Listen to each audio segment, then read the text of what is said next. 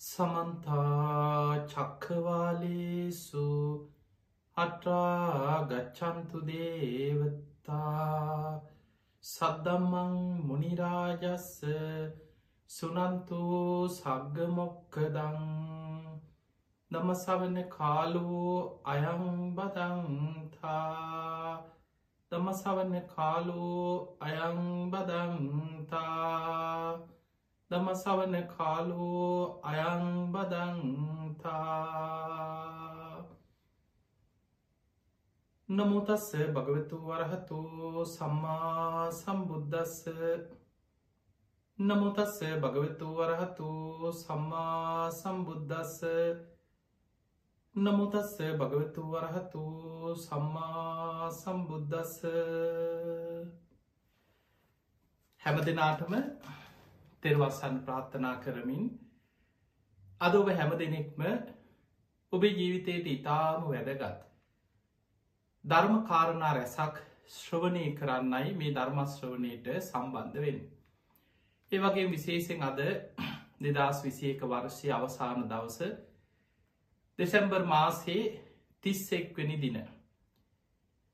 අද රාත්‍රී දොළහෙන් පසුව අපි විවහාර කරන විවහාර වර්ෂය දෙදස් විසි දෙක වර්ෂය උදාවෙනවා.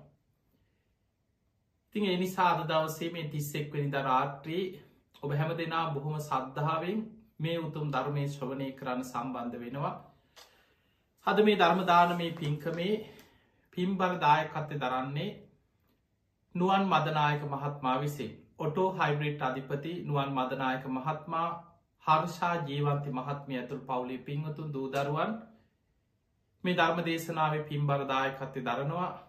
එයාගේ අරමුණ තමයි අද දින ජන්මදිනය සමරණ කල්්‍යාන මිට්‍ර කුඩා අරුක් ගොඩ ශ්‍රී මහින්රාරාම සහ කින්දෙල් පිටිය ශ්‍රී නිකේතනාරාම යන උබේ විහාරාධිකාරී පූජනීය පරවාහැර ඉන්ද්‍ර සුමන නායක මාහිපාණන් වහන්සේගේ හතලිස් වන ජන්මදිනය වෙනුවෙන් උන්වහන්සිට නිදුක් නීරෝගේ සම්පත්තිය තුනුරුවන්ගේ ආශිර්වාදය දීර්ඝාවශ සැලසේවා කින ආශිර්වාදයක් නුවන් මදනායක මහත්මා හර්ෂා ජීවන්ති මහත්මිය සුජීවත සිටින දෙමාපියන් දූදරුවන් පවුල්ලල සියලු දෙනාටම නිදුක් නිරෝගී සම්පත්තිය තුනුරුවන්ගේ ආශිර්වාදය සැලසේවා කියෙන ආශිර්වාදයක් නුවන් මදනායක ඔටෝ හයිබ්‍රිට් ට්‍රෙනින් ඇකඩමි ආයතනය සේවය කරන සියලූම සේවක පිරිසට. සෙත් ප්‍රාර්ථනා කිරීමත් ලක්වාසි ලොවාසි හැම දෙනාටම. හෙටිං උදාවන ඒ සුවනාව වසර තමගේ ජීවිතයට යහපත් ප්‍රාර්ථනා ඉෂ්ට වෙන පුුණ්‍යවන්ත සුභනාව වසරක් බවට පත්වේවා කියෙන උතු මාශිර්වාදයෙන් තමයි අද මේ ධර්මදානමේ පින්කමේ පිංහතු සිදු කර තින් එහෙමනගේ හැම දෙනාටමත් ඔබ හැම දෙනාටමත් මේ ධර්මය ශ්‍රවණය කන ලක්වාසී ලොවාසි හැම දෙනාටමක් මේ උතුම් ධර්මශ්‍රවනය නිවන් දොරටුවක් බවට පත්වේවා කියල මුලින්ම ආශිර්වාද කරන. පිංහතුනේ මේ ගෙවිල් අවසන් වෙන්නේ අවුරුද්දක් ගෙවෙනවා වර්ෂයක් ගෙවෙනවා කියල හිතුවට ඔබට මට අපි කාටත් ජීවත් වෙන්න තියෙන මේ ආවිෂ තමයි දවසින් දවස අවුරුද්ධෙන් අවුරුද්ධ ගෙවිල් අවසන් වෙන්.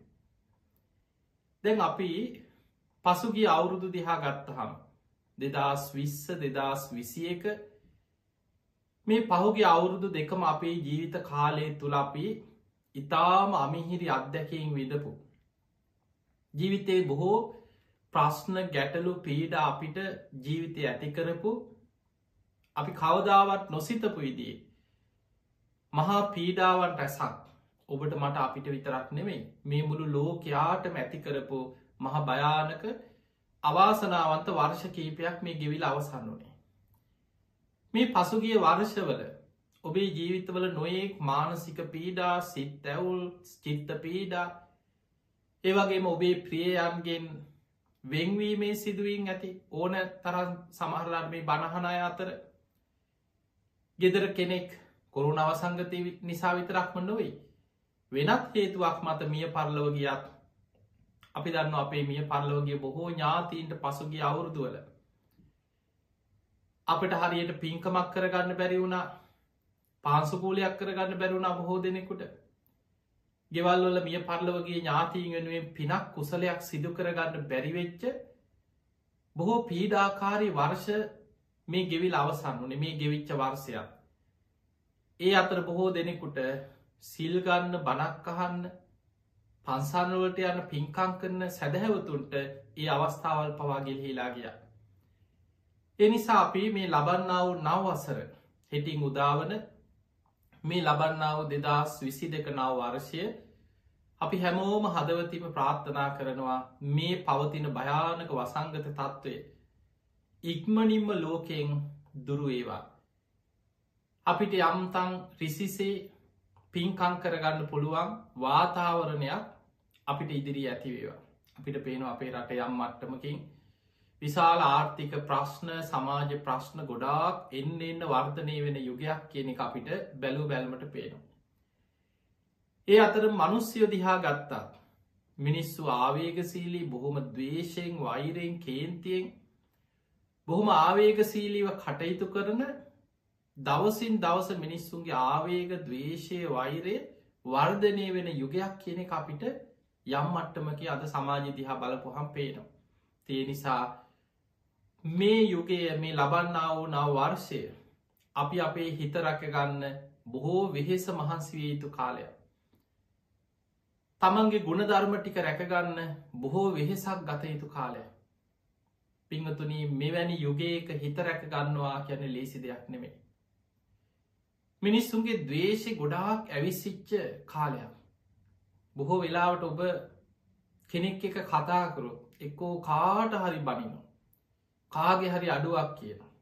එක්කො දේශපාලන ප්‍රශ්නයක් කල්ලගෙන හටේ ප්‍රශ්නයක් කල්ලගෙන ආහාර ප්‍රශ්නයක් මොනවා හෝ ප්‍රශ්නයක් කල්ලගෙන දවේශයෙන් වෛරෙන් කේන්තියෙන් බැන බැනා සාප කරනවා යදිනවා අපිට රූපවාහිනයක් බැලුවත් ප්‍රෘති විකාශනයක් බැලුවත් බොහෝ වෙලාවට හිතක් සංසි දෙන්න හිත නිවෙන හිතේ මෛත්‍රිය කරුණාවාදී ගුණධර්ම වැඩෙන දේවල් නෙමෙයි අපිට සමාජය තුළ දකින්න ලැබෙන මිනිස්සු අඩනවා සාප කරනවා පපුුවට ගහගන්නවා යදිනවා. එතකොට මෙවැනි තත්ත්වයන් නිතර නිතර ඇහෙනකොට දකිනකොට ඒ බලාගෙන ඉන්න මනුස්්‍යයන්ගේ චිත්ත සන්තාන තුළ පවා ඒ සිතුවිලි රෝපණය වෙනවා. එනිසා මේ ලබන්නාව නව වර්ෂය ඔබ හැම දෙනාටම හිත රැකගන්න පුළුවන්. අමාරුවෙන් හරි මෛත්‍රිය කරුණා ගුණධර්ම ටිකෙන් ටික හරි වර්ධනය කරගෙන පුළුවන් තරම් පින් කුසල් දහම් රැස් කරගෙන ගුණධර්ම පුරාගන්න පුළුවන් පුුණ්්‍යවන්ත වර්ෂයක් බවට පත්වේවා කියල අපි හදවතින්ම ඔබ හැම දෙනා වෙනුවෙන් ආශිර්වාද කරමින් ප්‍රාර්ථනා කරනු. පිංහතුනී ධර්මය සඳහන් වෙනවා කකු සද බුදුරජාණන් වහන්සගේ කාල මේ අපි මේ ඉන්න මහා බද්ධ කල්පේ මුලින්ම පහළ වනේ කකුසඳ බුදුරජාණන් වහන්සේ. මේ කකුසඳ බුදුරජාණන් වහන්සේගේ කාලේ දුසී කියල මාරයෙක් හිටිය.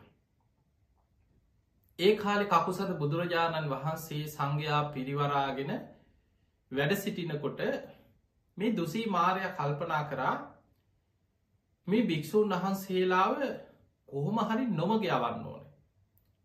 මේ අය තුළ කෙලෙස් ඇති කරවන්න ඕනේ. මේ අයව ධර්ම මාර්ගෙන් එලියට ඇදල දාන්න ඕනේ. කොහොම හරි මේ අයගේ කෙලෙස්වලින් මේ අය අවුල් කරලා දාන්න ඕන කියලා මේ මාරය මොකද කරේ?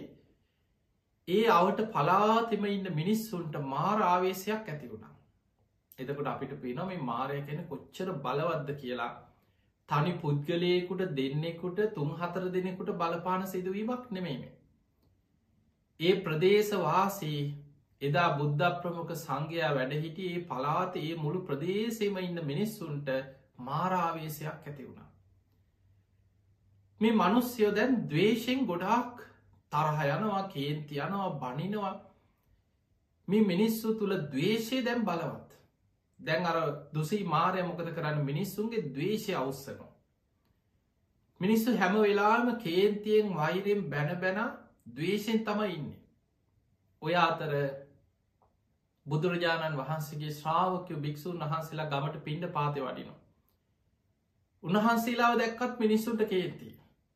දකින්න දකින තැන බනිනෝ එනවා මෙතන පාත්තරාරගෙන අපේ ගමට. මෙහෙම කියලා නේ අර පින්ඩ පාතින සාමීන් වහන්සලට ගරහනවා. නින්දා කරනවා. මග රැකලා ඉදල භික්‍ෂූන් වහන්සලට නොයි කිරිහැර පීඩා කරන මිනිස්සු බොහෝම පහත් විදිහට භික්‍ෂූන් වහන්සේලාව ගරහනවා විවේචනය කරනවා චෝදනා කරනවා. බොරුවට චෝදනා කරනවා චෝදනා හදනවා. දවසක් බුදුරජාණන් වහන්සේ කකුසඳ බුදුරජාණන් වහන්සේ මහා කරුණා සමාපත්තියෙන් ලෝකෙ දිහා බලනවා.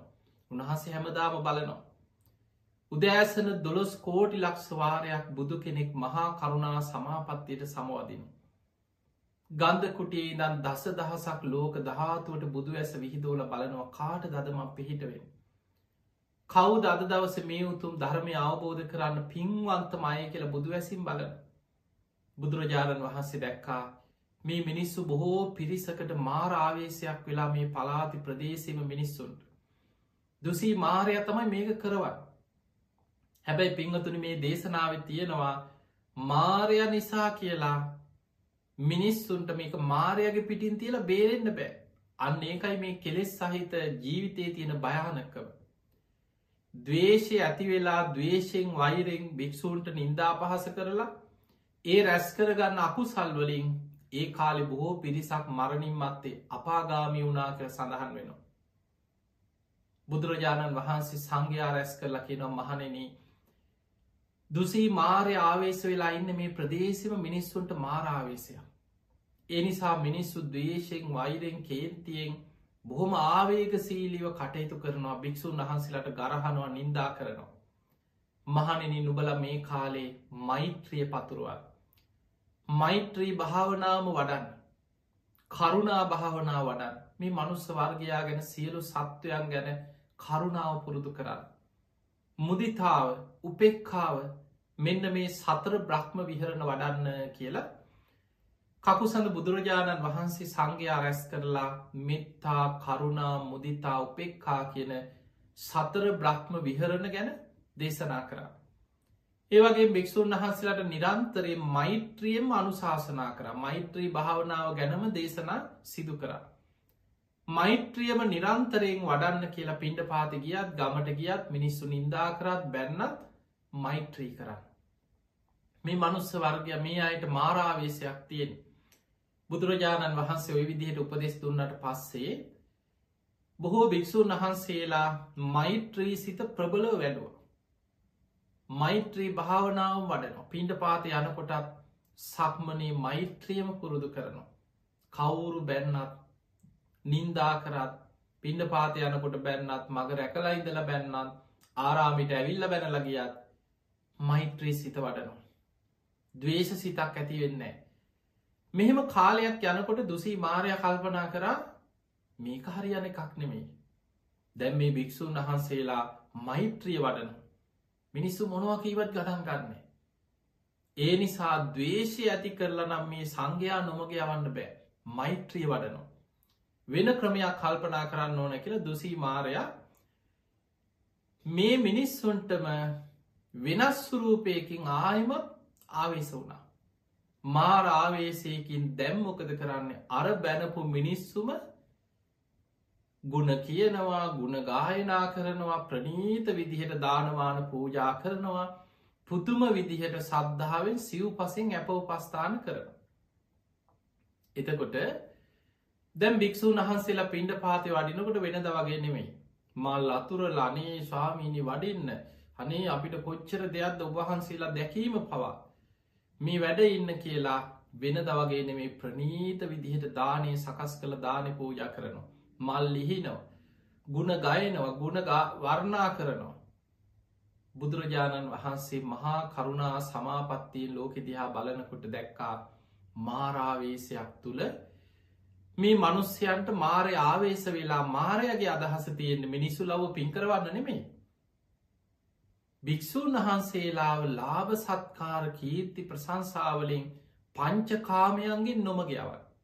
දැන් දවේශය අවස්සල නොමගයාවන්න බැරිවුණා ඊළඟට කල්පනා කරා සිව් පසේට මේ ලාභ සත්කාරවලට ප්‍රසංසාවලට ඇල්ම ආසාාව ඇති කරවලා ඒ තුළින් නොමග යවන්න පුළුවන් කිය. දැන් බලන්න පිංහතුනි කෙනෙකුගේ බලපෑමක් තුළ මේක වුණා.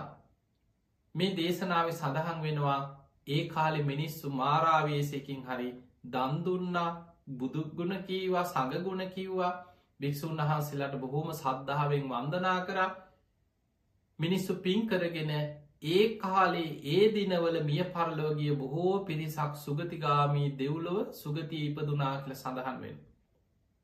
එතකොට බලන්න මෙන්න මේකෙන් අපිට එකක් පේනවා කාගෙ හරි පෙළඹවීමක් නිසා වෙන්න පුළුවන්. කාගෙ හරි බලපෑමක් නිසා වෙන්න පුළුවන්. හැබැයි ඔබ ඒ තුළින් කරන කියන දේවල් වල විපාක ඔබම අරගෙන යනවා සංසාරය. මේ පෘතජ්ජන ජීවිතය භයානක්ක මේකයි. ඒ නිසා මේක මේ මාරය නිසා කියල මාරයගේ පිටින් තියල බේරෙන්න්න පුළුවන්කමක් උන්නෑ.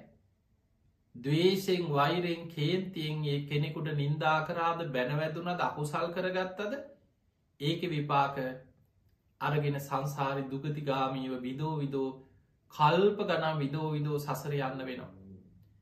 හැබැයි මාරය බලපෑමෙන් හරි දන් දෙනවද සිල් රකින්නවද ගුණ කියනවද මල්ලෙහිනවද පින්කං කරනවද ඒ තුළින් ඒ පින මාරය ආමික මාරය නිසා ඒ පින් මටනෙමේ මාරයට කියලනෑ ඒ පින් නිසා මිනිස්සු සුගතිගාමී වුණ. පිංහතුනේ ඒ වෙලා බුදුරජාණන් වහන්සේ මේ කාරණය දැනගෙන සංඝයා රැස් කරලා කෙන මහනෙන නුබල මේ දිනවල පුළුවන් තරං අසුභ භාවනා වඩන් පිළිකුල් භාවනා වඩන් මේ පංච කාමයන්ගේ ආදීනව සිහි කරන්න මේ මිනිස්සු අදිනකොට වර්ණා කරනකොට ගුණ කියනකොට ඒ සියල් අනිත්‍යයි. මේවා වෙනස් වෙලා යනවා. මේ විදියට හිතල මේ කය ගැන යථා ස්භාවෙන් දකින්න ඒවට ඇලුම් කරන්න එපා. භික්‍ෂූන් වහන්සේලා ඒ කාලෙ වැඩිපුර පිළිකුල් භාවනාව ධාතු මනසිකාර භාවනාව කායගතා සති භාවනාව මෙවැනි භාවනාවල් වඩලා උන්වහන්සේලා ධර්මාවබෝධි පැත්තට උන්වහන්සේලාගේ හිත රැකගත්තා. එතකොට බලන්න සමාජයේ තුළ මිනිස්සු ගුණ කියන සමාජයක් ඇති වුණත් ධර්මාවබෝධය කරා යන කෙනා ඒ ඒවට නොවැලි තමන්ගේ අරමුණ කරා යන. සමාජ මිනිස්සු දවේශයෙන් වෛරෙන් කේන්තියෙන් භික්‍ෂූන්ට බැන බැන ඉන්න සමාජයක් තිබුණත්. ධර්මය කරා යන සංඝයා ඒවට නොවැලී මෛත්‍රියෙන් ඒවට නොගැටී තමන්ගේ මෛත්‍රයේ සිත වඩාගෙන ධර්මාවබෝධය කරා යන. ති එනිසා මෙන්න මේක තියෙන මාර තජ්ජනය සූත්‍රයේ මේ සිදුවීම මේ දේශනාව ගොඩාක් දිග දේශනාවක් මජ්්‍යම නිකායට අයිති දේශනාව. අවසානි දුසී මාරයා මේ විදියට උත්සාහ කරලා කරලා ඒකත් හරිගිය නෑ. ඒ කාලි දුසී මාරය කියන්නේ අපේ ගෞතම බුද්ධ ශාසනය මුගලම් මහරහතන් වහන්සේ කියල මේ දේශනාව සඳහන් වෙන. කකුසඳ බුදුහාන්දුරන්ගේ කාලේ මේ කල්පේම පළවෙනි බුදුහාන්දුරන්ගේ කාලි දුසී මාරය දැන් බලන්න භික්‍ෂූන් නොමග යවන්න බුදුහාන්දුරන්ගේ ශ්‍රාවකයන්ට හිරිහැර කරන්න පවා මිනිස්සුන්ව පොළොබෝල බුද්ධ ශාසනයේ සංඝයාට හිරිහැර කරපු පාපී මාරයකේ කාලේ.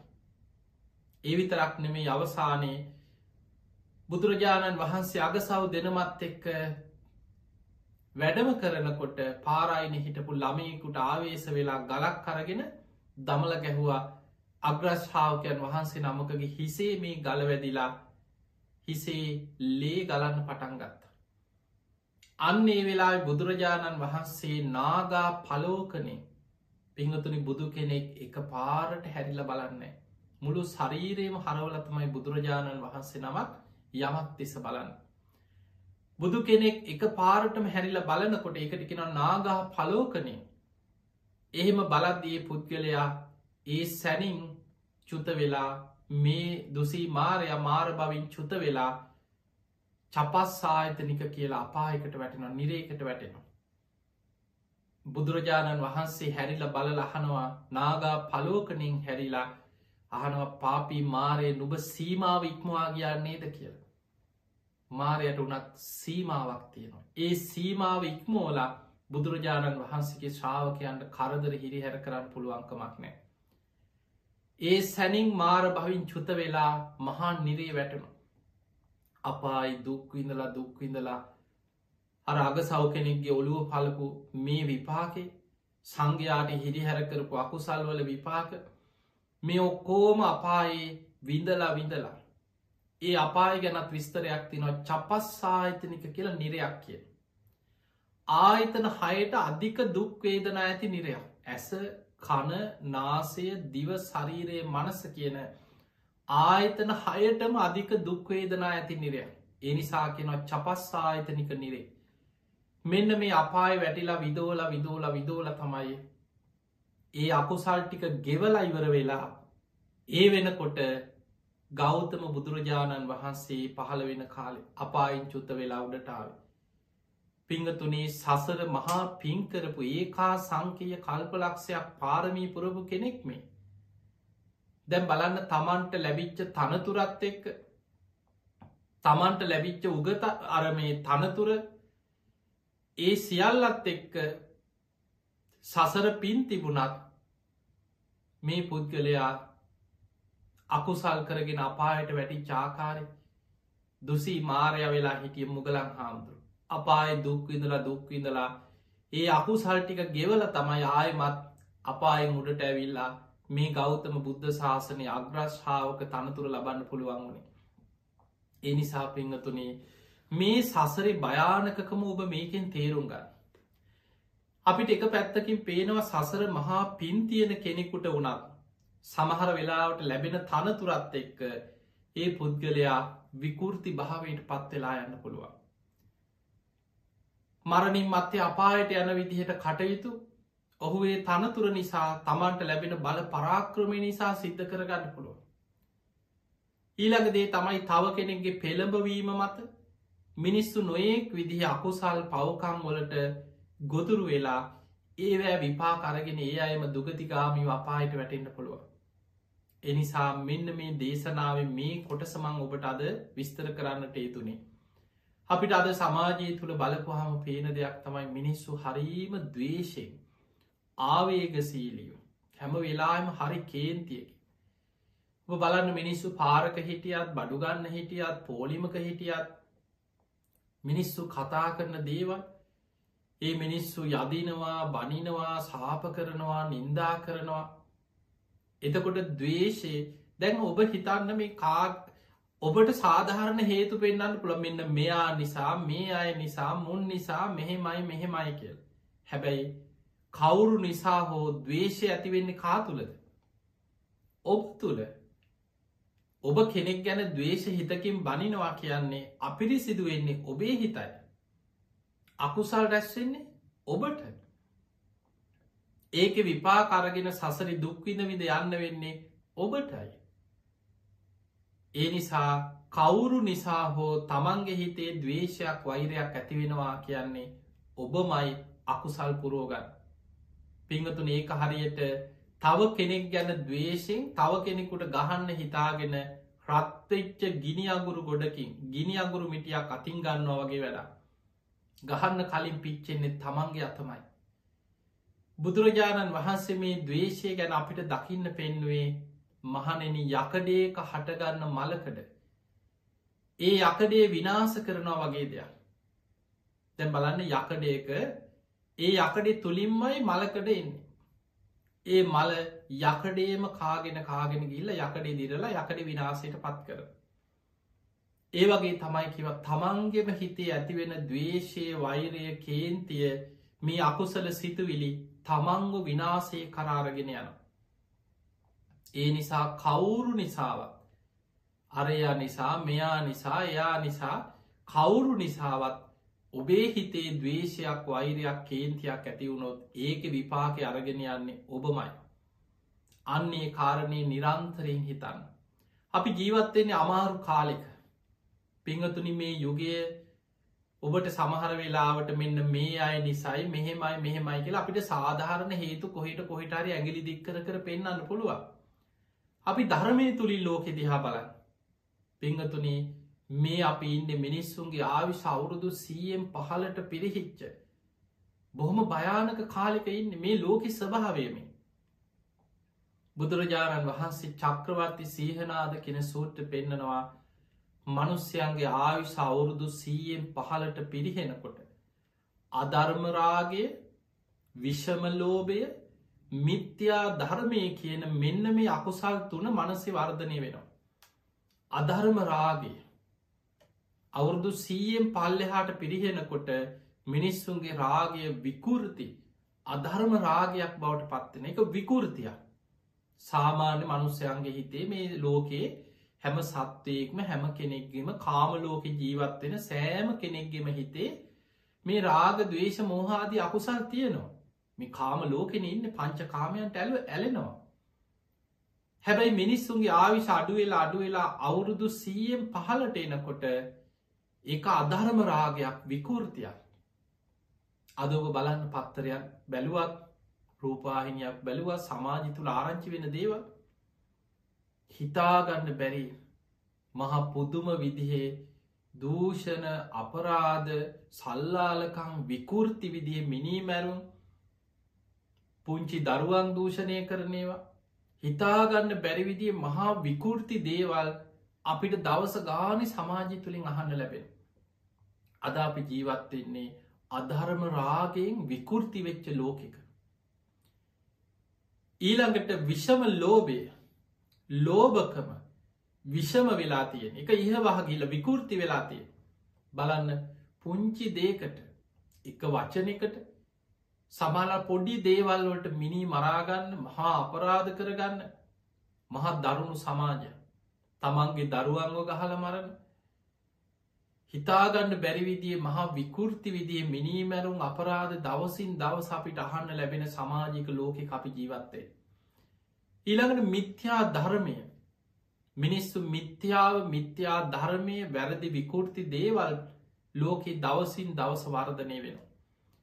මේ අතර බුදුරජාණන් වහන්සේ පෙන්න්න මහනින මේ අධර්ම රාගේ විශ්ෂම ලෝබයේ මිත්‍යා ධර්මය තුළ මිනිස්සුන්ගේ ආවිශ අවුරුදු සීයයි දම් වේගෙන් පල්ලෙහාට අඩුවෙලා අඩුවෙලා අඩුවෙලා අවුරුදු දහයට මිනිස් ආවි සඩුවෙන කාලයක් එනවා කිය. දැන් අපි ජීවත්වෙන්නේ සාමාන්‍ය මනුස්්‍යයන්ගේ ආවිශ අවුරුදු හැත්තෑව හැත්ත දෙක හැත්ත පහ හැත්තෑ වසූ අතර කාලෙක. අපේ බුදුරජාණන් වහන්සේ පහළ වෙච්ච කාලෙනම් අපි අහලතින මිනිස්සුන්ගේ සාමාන්‍ය ආවිශ අවුරුදු එකසිය විස්සක් කියලා. මේ ගෞතම බුද්ධ ශාසනය නිරෝගී භික්‍ෂූන් වහන්සේ අතර අග්‍රස්ථාන ලබපු බක්කුල මහරහතන් වහන්සේ අවුරුදු එකසිය හැටක් වැඩ හිටිය. අද අපිට හිතාගන්නවත් බෑ. අද සාමාන්‍ය මනුස්සේකුට සාමාන්‍ය කෙනෙකුට මේ බුද්ධ ශාසනය මේ කරුණු ගැන දන්නති කෙනෙකුට ඕක කිව්ව ඕක බොරුවක් කියයි. ඔච්චර කල ඉන්න පුළුවන්ද කියලාහයි. හැබැයි බක්කුල මහරහතන් වහන්සේ අවුරුදු එකසිය හැටක් වැඩ හිටිය නිරෝගීව. අනුරුද්ධ මහරහතන් වහන්සේ දිවැස් ලාබීනක්ගෙන් අග්‍රම කෙනා. අවුරුදු එකසිය පණහක් වැඩ හිටිය. එතකොට අපිට පේනවා එහෙමනම් මේ සසරේ නිරෝගි සම්පත්තිය පිණිසම පාරමී පුරපු බක්කුල මහරහතන් වහන්සේට පමණක් උරුම වෙච්ච දීර්ඝාවිශක් විතරක් නෙමේ උන්වහන්සේ වැඩිම හිටිය තමයි අවුරුදු එකසිය හැටක්. හැබැයි අනුරුද්ධ මහරහතන් වහන්සේ අවුරුදු එකසිය පණක් වැඩ හිටිය. ආනන්ද හාමුදුරු විසාකා උපාසිකාව මහාකාශප මහරහතන් වහන්සේ අවුරුදු එකසේ විස්සක් ඉදලතියෙන්. ධර්මය තියෙනවා ගිහි ශ්‍රාවකයෝ තුන්ගනි ධර්ම සංගායනාව කරපු මොග්ගලී පුත්තතිස මහරහතන් වහන්සේ පවා අවුරුදු එකසිය විස්සක් ආයු වැඩ සිටිය. ඒමන අපිට පේනවයි බුද්ධ කාලෙ මීට අවුරුදු දෙදස් පන්සීයකට විතර එහා. බුදු හාමුදුරන්ගේ කාලයේ සමාජ එදා ජීවත්වෙච්ච මිනිස්සු අද තරං විද්‍යාව තාක්ෂණය වෛද්‍ය උපකරන බෙහෙත්හෙත් මේ උපරේෂන් මේ සිදු කරන ශල්්‍යකරම මේ දියුණු ලෝකේ එදා නැති වුණාට මීට වඩා දීර් ගාවිශක් එදා මිනිස්සු බින්දනය කරා ලෙඩරෝගාඩු ආවිශ වැඩි කාලයක්. හැබැයි අද අපිට අද අපිට බැලූ බැල්මට පේන්නේ දැන්නේ මේ ලෝකේ කොච්චර දියුණුද මොන තරන් තාක්ෂණී විද්‍යාව දියුණු ලෝකයක්ද? මොන තරන් දියුණු ලෝකෙකද දැන් අපි ජීවත්වෙන්නේ මොකක්ද දැන් කරන්න බැරි? අන්න එහෙම මිනිස්සු හිතනවා. අද වෛද්‍ය විද්‍යාව දියුණුයි තාක්ෂණය දියුණුයි. අද කොච්චරනම් බෙල්ලක් විතරයි තාම සම්පූර්ණයෙන් ගලවලා තව මනුස්සේකුට හයි කරගන්න බැරිවුණේ පෙනහලු බද්ධ කරනවා වකුගඩු බද්ධ කරනවා. අක්මාව කොටස් බද්ධ කරනවා ශරීරෙ පටක බද්ධ කරනවා එතකොට මේ වගේ කර අද ශල්්‍ය කර්ම ලෝකෙ සිද්ධ වෙන මේ විශ්මිත දේවල් දිහා දැක්කහම සාමාන්‍ය මනුස්සයා හිතනවා දැන්නේ දියුණු ලෝකෙ මෙන්න ලෝකෙ කියලා. හැබැයි දවසින් දවස වේගෙන් ආවිෂයෙන් පිරියෙනවා. මොන දියුණු බෙහෙත්හේත් විටමින් වර්ග තාක්ෂණය විද්‍යාව ලෝකෙ දවසින් දවස අපි දැක්කට මිනිස්සුන්ගේ ආවිෂ පිරිහෙන එක කාටවත් නවත්තන්න බැරි වෙලා තියෙන. අද අපි ජීවත්වෙන්නේ අවුරුදු සීයනුත් පල්ලෙහාට ආවිෂ පිරිහිච්ච. සාමාන්‍ය මනුස්්‍යයන්ගේ ආවිශ අවුරුදු හැත්තෑව හැත්ත දෙක හැත්ත පහ වගේ සාමාන්‍ය ආවිශක් තියෙන කාලෙක. සමහ රටවල්වල මිනිස්සුන්ගේ සාමාන්‍ය ආවිශ අවුරුදු හැට හැට පහ හැත්තෑ වතර වේගෙන් ආවිෂ පිරිහිලා. පිංහතුනී චක්‍රවති සීහනාද සූට්‍ර බුදුහාන්දුරු පෙන්න්නනවා අනාගත ලෝක මේ ආවිශ ඔහොම අඩුවෙලා අඩුවෙලා අඩුවෙලා ගිහිල්ලා මිනිස්සුන්ගේ ආවිශ අවුරුදු දහයේ ළඟට අඩුවෙන කාලයක් එනවා. පරමාවිශ අවුරුදු දහයයිදාට. අවුරුදු දහයට ආවිශ අඩුවෙනකොට මනුස්ස සුරූපෙ තියෙනයි ඉන්නවා. හැබැයි මනස රාග දවේශ මෝහවලින් ඇවිස්සිලා විකෘති වෙච්ච සත්තුන්ට අන්තයි. එලුවෝ බල්ලෝ බලල්ලු තිරිසන්න වගේ කිය. මේ මගේ අම්මනේද මේ මගේ සහෝදරිය නේද මේ මගේ දුව වගේ කෙනෙක් නේද මේ මගේ ගුරුවරය නේද ඒ සමාජ සම්මත සීමාවල් සම්පූර්ණයෙන් නැතිවෙලාගිය විකෘති ලෝකයක්. ඔබ සමාර වෙලාට මේ බණටි කහන්නේ ලංකාවේ ගමක ඉන්න සාමාන්‍ය සමාජය තුළ ජීවත්වෙන කෙනෙක් නම් ඔබ ලෝක ගැන ලොකු දැනුමක් ඔබට නැතුව ඇත. මෙවැනි විකෘති සමාජ අදත් සමහර රටවල්ලට සමහර ප්‍රදේශවල පලාත්වල මෙවැනි විකෘති පරිසරයවල් තියෙනවා.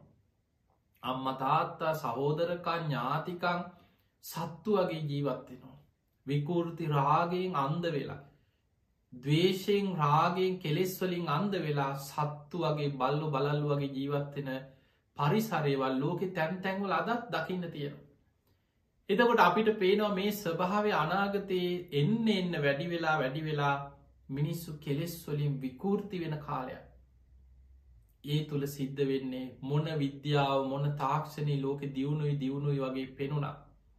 බුදුරජාණන් වහන්සේ බලන්න දීගනිකායි චක්‍රවර්ති සිහනාද සූට්‍ර තියෙනවා. මහනනයේ කාලෙ මිනිස්සු. තව කෙනෙක් දිහා බලලා මේ කෙනා මරන්න ඕන කියලා හිතනකොට අතට ආයුධ පහළ වෙනවා කිය. දැ බලන්න මේ යන දවසින් දවස මේ ඉදිරියට යන තාක්ෂණයම දියුණුවක් වෙන්න පුළුවන්ගේ දාට. ඉහළම දියුණු තාක්ෂණයක් තියෙන ලෝකික වෙන්න පුළුවන්. කෙනෙක් මරන්න හිතනකොට ආයුධ අවශ්‍යායුධ අතට එනවා කියල දේශනාව තියෙනවා. සිතන සිතුවිල්ලට අනුව ක්‍රියාත්මක වෙන ආයුධ නිර්මාණය වෙනවා. එකින එකා මරාගෙන මරාගෙන මරාගෙන දින හතක් යනකොට ලෝකෙම ලේවිලක් වෙලා අවසන් වෙන තැනකට එනවා. අද ඔය කියන මිනිස්සුන්ගේ ආවිශ අවුරුදු දහයට අඩු වෙලා සිද්ධ වෙන විනාසේ තව අවුරුදු කාලයක් යයි. ඔබ නිකං අද ලෝකෙ දිහා බලත් ලෝකෙ දියුණුයි කියන රටවල්. අද මේ හදාගෙන තියෙන නිියස්ටික ආයුධ ආයුධ තරගය ලෝකෙ බල තරගය යම් කිසි ඔබහල ඇති පලවෙනි ලෝක යුද්ධය ගැන දෙවනි ලෝක යුද්ධ ගැන ඔබ යම්මට්ටමින් හරි අහල හරි ඇති. එදා සිද්ධ වෙච්ච විනාසවලට වඩා අද සිය දහස් ගුණයකින් දියුණු අවියාවිදත් එක්ක අනාගතය යම් කිසි ලෝක යුද්ධයක් මේ ලෝකෙ බලවත් හටවල් අතර යම් කිසි ප්‍රශ්නයක් අනාගත ලෝක ඇති වුණු මේ ලෝකෙම අලු දූවිලි විනාස වෙලා යන්න වැඩි කාලයක් ගත වෙන්නේ මිනිස්සු විකෘති වෙනවා. මිනිස්සු කෙලෙස්වලින් විකෘති වෙනවා. සමහර වෙලාවට නොයෙක් ලෙඩරෝග ඒවා ආයුධ හැටියට ලෝකයේ තුළ ජෛව විද්‍යාත්මක රසායනික අවිආවිධ ලෝකෙ ක්‍රියාත්මක වෙලා මිනිස්සු විකෘති වෙන විදි ආවිධ ලෝකයේ මනුස්්‍යයන් අතරට සිදු කරන්න පුළුවන්. ඒ නිසා පිංහතුනි අපි ඉන්න අනාගත ලෝකෙ මහා භයංකාර ලෝකෙක. කෙලෙස් වලින් විකෘති වෙච්ච සත්තුවගේ මිනිස්සු අතර අපින්න එවැනි සමාජයක ඉඳං ධර්මය හැසිරෙනවා කියන්නේ ලේසි දෙයක් නෙමේ අන්නේ නිසාතම දැ ඔබට මේ බණ කියන කොටිත හාන්දුරන්ට නම් කියන්න කොහොම කියන්න නම් ලේසි මෙවා කරන්න අමාරු ඇත්තටම අමාරුයි. අපි ජීවත්වෙන්නේ කෙලෙස් සැවිස්සිච්ච සමාජයක. පාරට ගියත් බස්සහික ගියත් බඩුවක් ගන්න ගියත් කඩේකට ගියත් දවේශය වෛරය කේන්තිය කෙලෙස් ඇතිවෙන ඒවා වැපිරිච්ච සමාජයක ජීවත්වෙන අතරතුර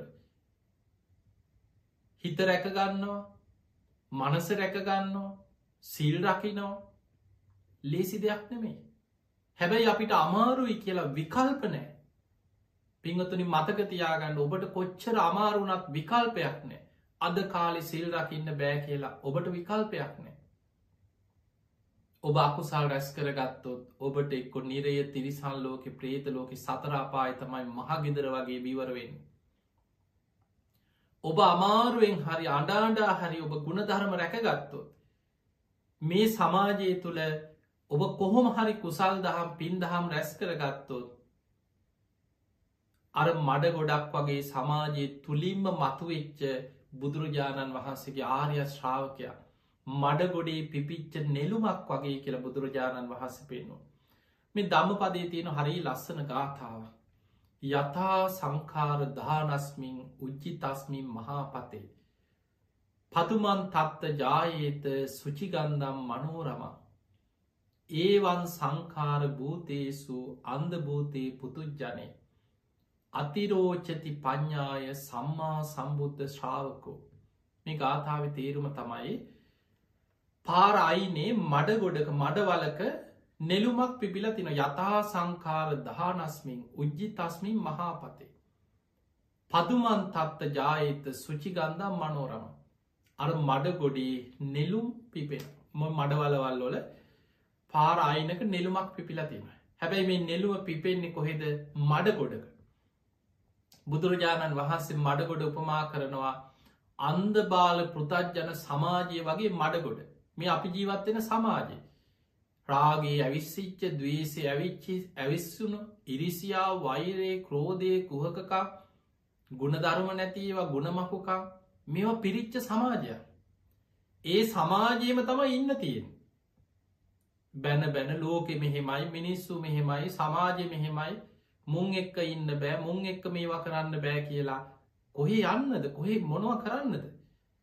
ඔය සමාජය අස්සෙම ඉඳගෙන එතනින්ම තමයි ඔළුව උත්සන්න තියෙන් ඒ දවේශය ඇවිස්සිච්ච සමාජය තුළම ඔබ දවේශය යටපත් කරගන්න වීරිය වඩා මෛත්‍රිය දියුණු කරගන්න වීරිය වඩා ඒ රාගේ ඇවිස්සිච්ච විකෘති සමාජය අතරෙම ඔබේ හිතේ රාග යටපත් කරගන්න අමාරුවෙන් හරි ඔබ උත්සාහ කරන්න.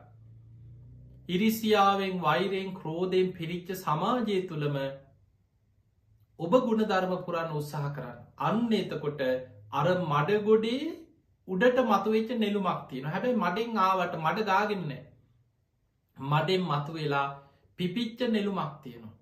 පදුම කියන්න නෙළුම. ඒ නෙළුම් මල පිපුණට පස්සේ බුදුරජාණන් වහන්සේ පෙන්නවා සුචිගන්දම් මනෝරම. එක බොහොම ලස්සනයි සුවඳ හමනෝ පරිසරීම සුවඳවත් කරනවා. අන්න ඒ වගේ තමයි ඒවන් සංකාර භූතයසු අන්ද භූතයේ පුතුජ්ජන මේ අන්ද බාල පෘතජ්ජන සමාජය තුළ සම්මා සම්බුද්ධ ශ්‍රාවක බුදුහාමුදුරන්ගේ ශ්‍රාවකය. බුදුන් සරණගිය ධර්මය සරණගිය ශ්‍රාවක සංඝයා සරණගිය ශ්‍රාවකයත් අර මඩ නොතවරගෙන මඩෙන් උඩට ඇවිල්ලා පරිසරයම සුවඳවත් කරන සුපිපි නෙළුමක් වගේ ඒ කෙනා මඩ නොතවරාගෙන ඒ සමාජයම මතුවෙලා සීලයෙන් ගුණයෙන් සද්ධාවෙන් ධර්මයෙන් තමන්ගේ ජීවිතයක් පරිසරයක් ආලෝකමත් කරනවා සූදවත් කරන. ඒ නිසා පිංහතුනේ අමාරුයි ඒ අමාරුදේ ජයගන්න ඔබ දක්ෂ වෙන්න ඕන. දැන් බලන්න අද තිස්සෙක් පෙනිදා. බොහෝ වෙලාවට අපි සමාජය තුළ අපිට ලෝකෙ හදන්න බෑ තමයි. හැබැයි සමාජය තුළ බලන්න බොහෝ පිරිසක් සමහර වෙලාවට මේ අමාරුම කාලෙක මිනිසුන්ට ආර්ථික ප්‍රශ්න දරුණු දවසින් දවස බඩුමුට්ටු ගණන් යන කන්න බොන්න නෑ ගෙවල්වල ලොකු ආර්ථික ප්‍රශ්න ලෝකෙ මතුවෙන කාලයක්.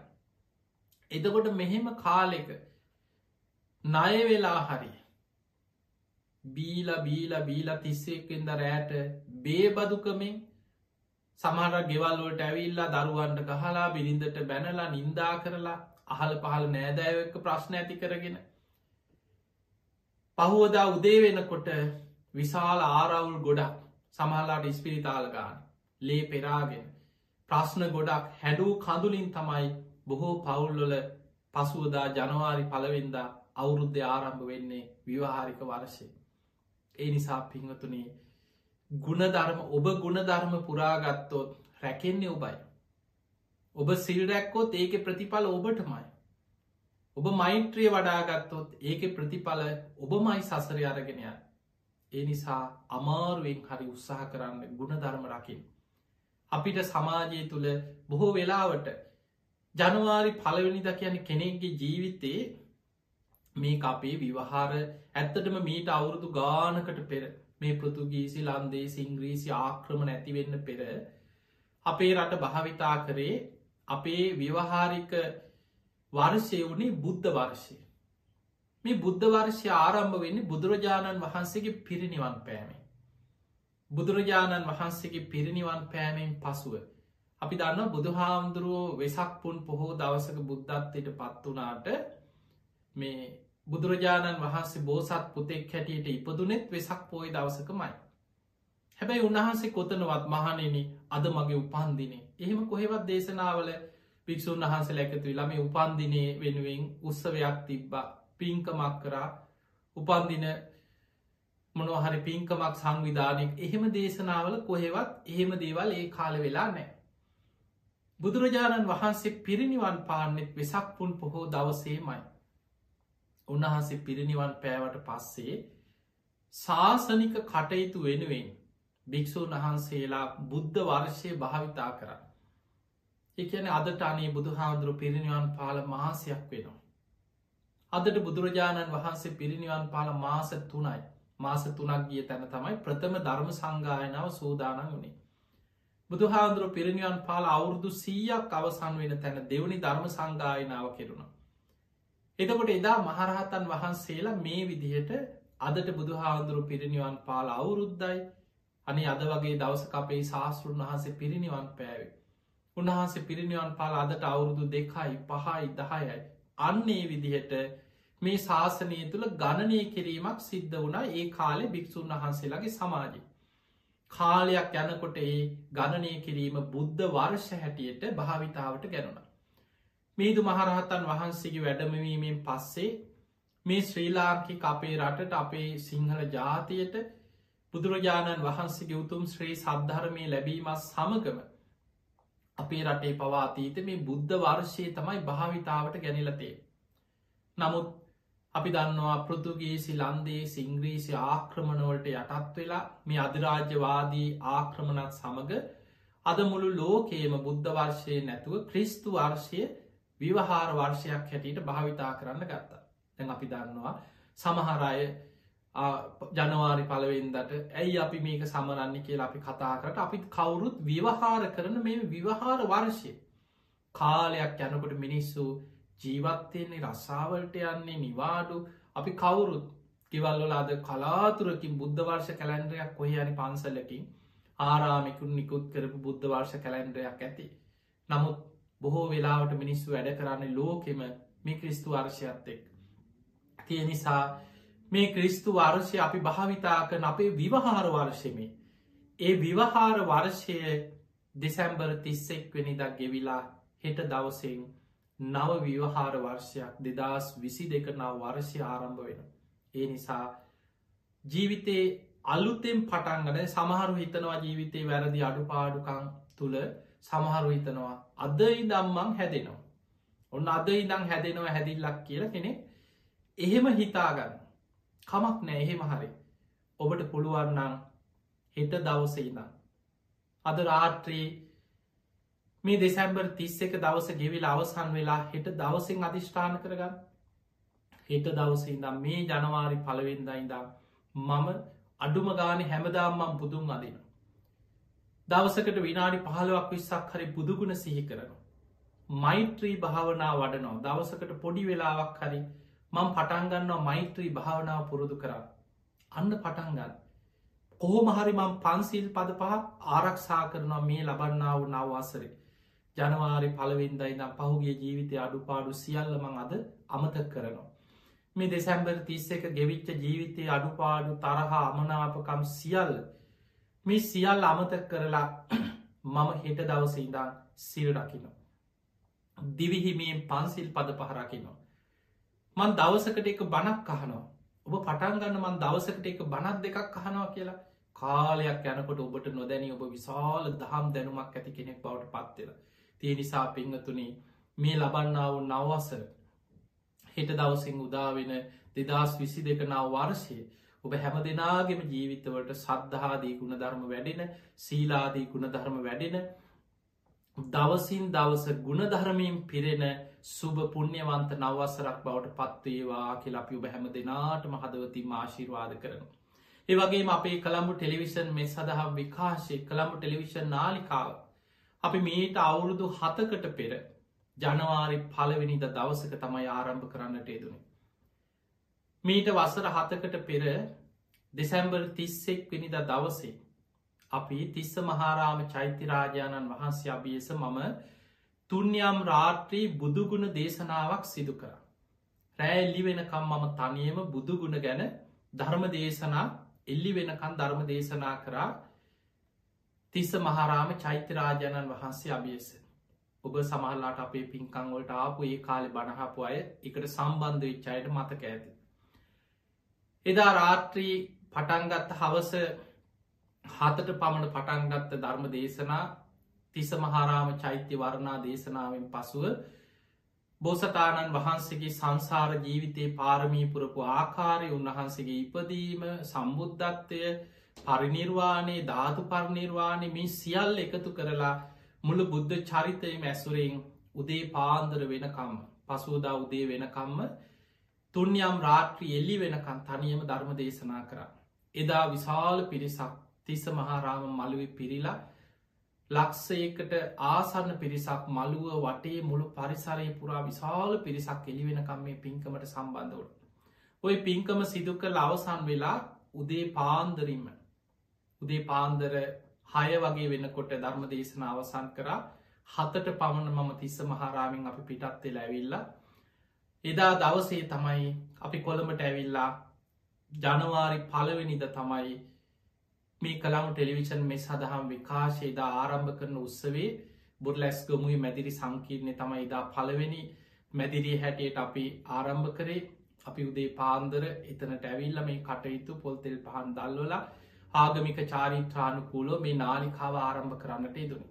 මුල් කාලෙ මුල් අවුරුදු කීපේ විදේශගත රටවල්වල විදේශගත ශ්‍රී ලාංකිකයන් වෙනුවෙන් සිදුකරපු නාලිකාවක් හැටියට තමයි කළම් ටෙලිවිෂන් මේ මෙත් සඳහම් කළම ටෙලිවිෂන් නාලිකාව විකාශය වනේ ඉතින් අවුරුත් තුන හතරකට පසුව තමයි අපි සම්පූර්ණ වැඩ සටහන් ආගමික මොහොනුවරකට වෙනස් කරලා මෙත් සදහම් විකාශය හැටියට සියලු වැඩ සටහන් ආගමික වැඩ සටහන් යටතේ අපේ සංස්ෘති අපේ සදාචාරය අපේ දේශීයත්වය අපේ සංස්ෘතික උරුමයන් මේ සියල්ල රැකෙන ආකාරය වැඩ සටහන් සාමාන්‍ය නාලිකා මේ යන වැඩ සටහන් වලින් වෙනස් කරලා.